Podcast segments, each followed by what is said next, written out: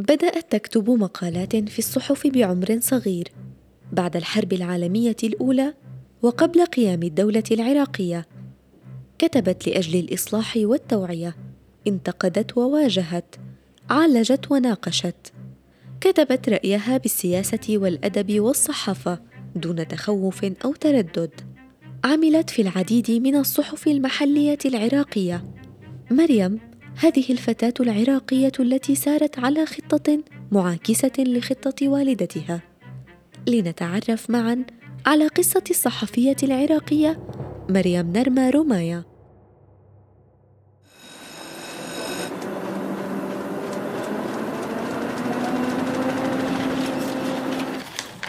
عنب بلدي بودكاست ابنتي الذكية مريم. كم أنت مهذبة ولطيفة؟ مثلك تماما يا أمي. لا لكنك لن تكوني مثلي. لم أفهم. لماذا؟ لن تتزوجي مثلي. ستكونين راهبة وتتعلمين الحياكة والتطريز. سأنذرك للكنيسة يا ابنتي.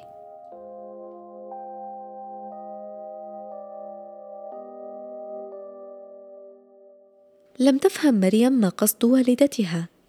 ما زالت طفلة وتحلم بالكثير. هل يمكن لأحد إيقافها؟ حين ولدت مريم عام 1890 كان حال المرأة سيء على عدة أصعدة.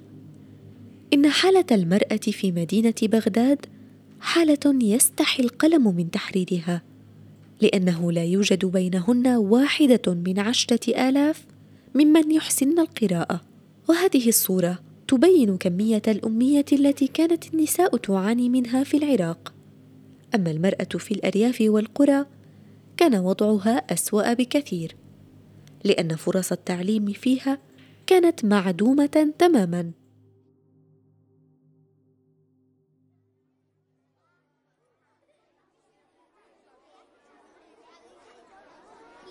في تلك الأيام التي لا تعتبر من أفضل الأوقات التي مرت على نساء العراق. نجحت مريم بدخول المدرسة.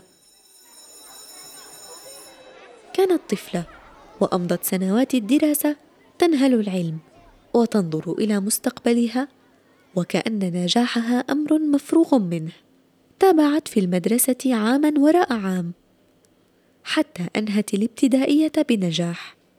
ثم ذهبت إلى مدينة البصرة لتدرس في مدارسها. وما لبثت أن عادت إلى بغداد لتبدأ مشوارا مختلفا وغير مألوف.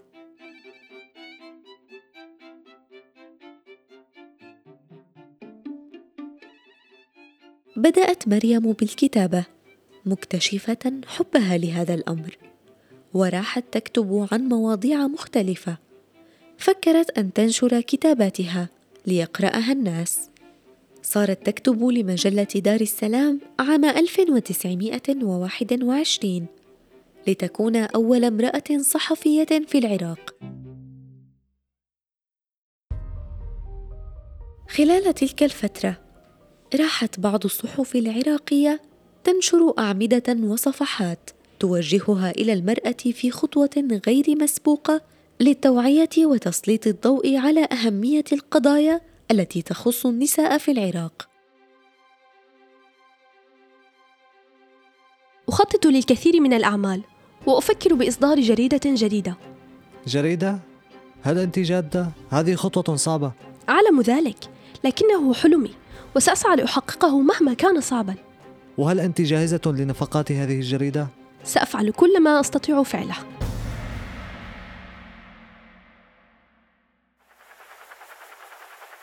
أصدرت مريم أول عدد من جريدتها مطلقة عليها اسم جريدة فتاة العرب عام 1937 لم تكن هذه أول صحيفة أو مجلة نسائية. سبقتها مجلة ليلى لصاحبتها بولينا حسون التي كانت المجلة النسائية الأولى عام 1923 وكان الهدف منها المساهمة في النهضة النسوية في العراق على الرغم من اعتبار البعض أن هذه المجلة ليست من الأساسيات بل هي من الكماليات ولا حاجة إليها. ثم صدرت مجلة فتاة العراق التي استمرت حتى عام 1939 كان المستوى التحريري والإخراجي للصحافة النسائية متواضعاً.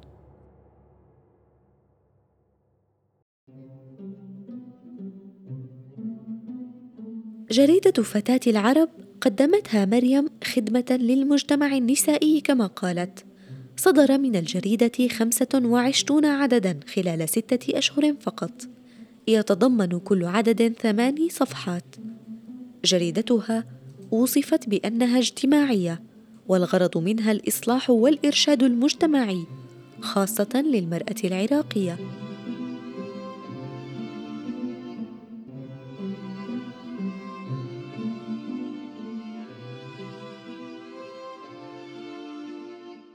الوضع المادي لمريم لم يكن جيدا فجعلت من بيتها مقرا للجريدة بوضعها لوحة خشبية على باب بيتها مكتوب عليها فتاه العرب.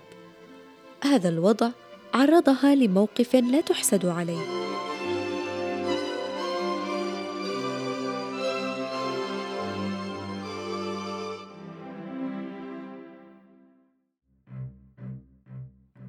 أستاذة مريم وضعك المادي سيء جدا.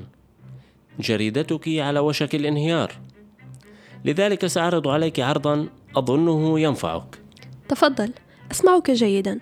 سأفعل أي شيء لمصلحة الجريدة. أرسلتني السفارة البريطانية لأعرض عليك مساعدة القوات البريطانية مقابل مبلغ من المال يكفي لتمويل الجريدة. قطعا لا. قلت إنني سأفعل أي شيء لدعم الجريدة لكن الخيانة خط أحمر. فكري جيدا. هذا سيكون أفضل عرض قد تحصلين عليه قلت لا لن أبيع وطني مقابل الجريدة. كان هذا من أبرز المواقف الوطنية لمريم. رفضت عرض السفارة البريطانية في بغداد لتمويل صحيفتها مقابل دعم بريطانيا التي كانت محتلة للعراق آنذاك. لم ترضخ بالرغم من الظروف الصعبة والتحديات المادية الكبيرة، إذ بلغت مصاريف الصحيفة خمسة وأربعون ليرة ذهبية، ثم اضطرت لإغلاقها بسبب الضائقة المالية التي واجهتها. كتبت مريم مقالات عديدة في مجلات وصحف أخرى غير صحيفتها مثل مجلة دار السلام وجريدة المصباح ونشرة الأحد كما كتبت مذكرات مخطوطة جاهزة للطباعة عن مذكراتها العائلية والسياسية والأدبية كانت مريم تدعو في مقالاتها دوما إلى نهضة المرأة في العراق وإعطائها الحق في التعليم وقامت وزارة الثقافة والإعلام العراقية بتكريمها على جهودها الجبارة للنهوض بالصحافة العراقية. استحقت مريم هذا التكريم إذ كانت على الرغم من كل ما مرت به من صعوبات ومواقف صعبة رائدة للصحافة ملتزمة بالمبادئ الأخلاقية.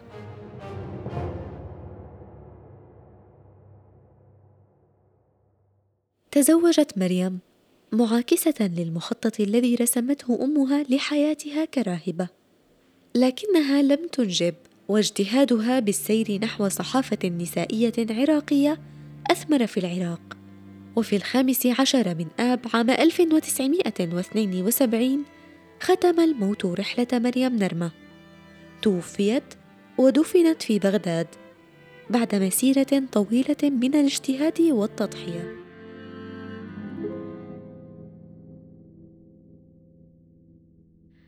استمعتم إلى بودكاست نساء من عنب بلدي. أعددت هذه الحلقة وقدمتها. أنا سكين المهدي. نحن موجودون على أبل بودكاست، جوجل بودكاست وساوند كلاود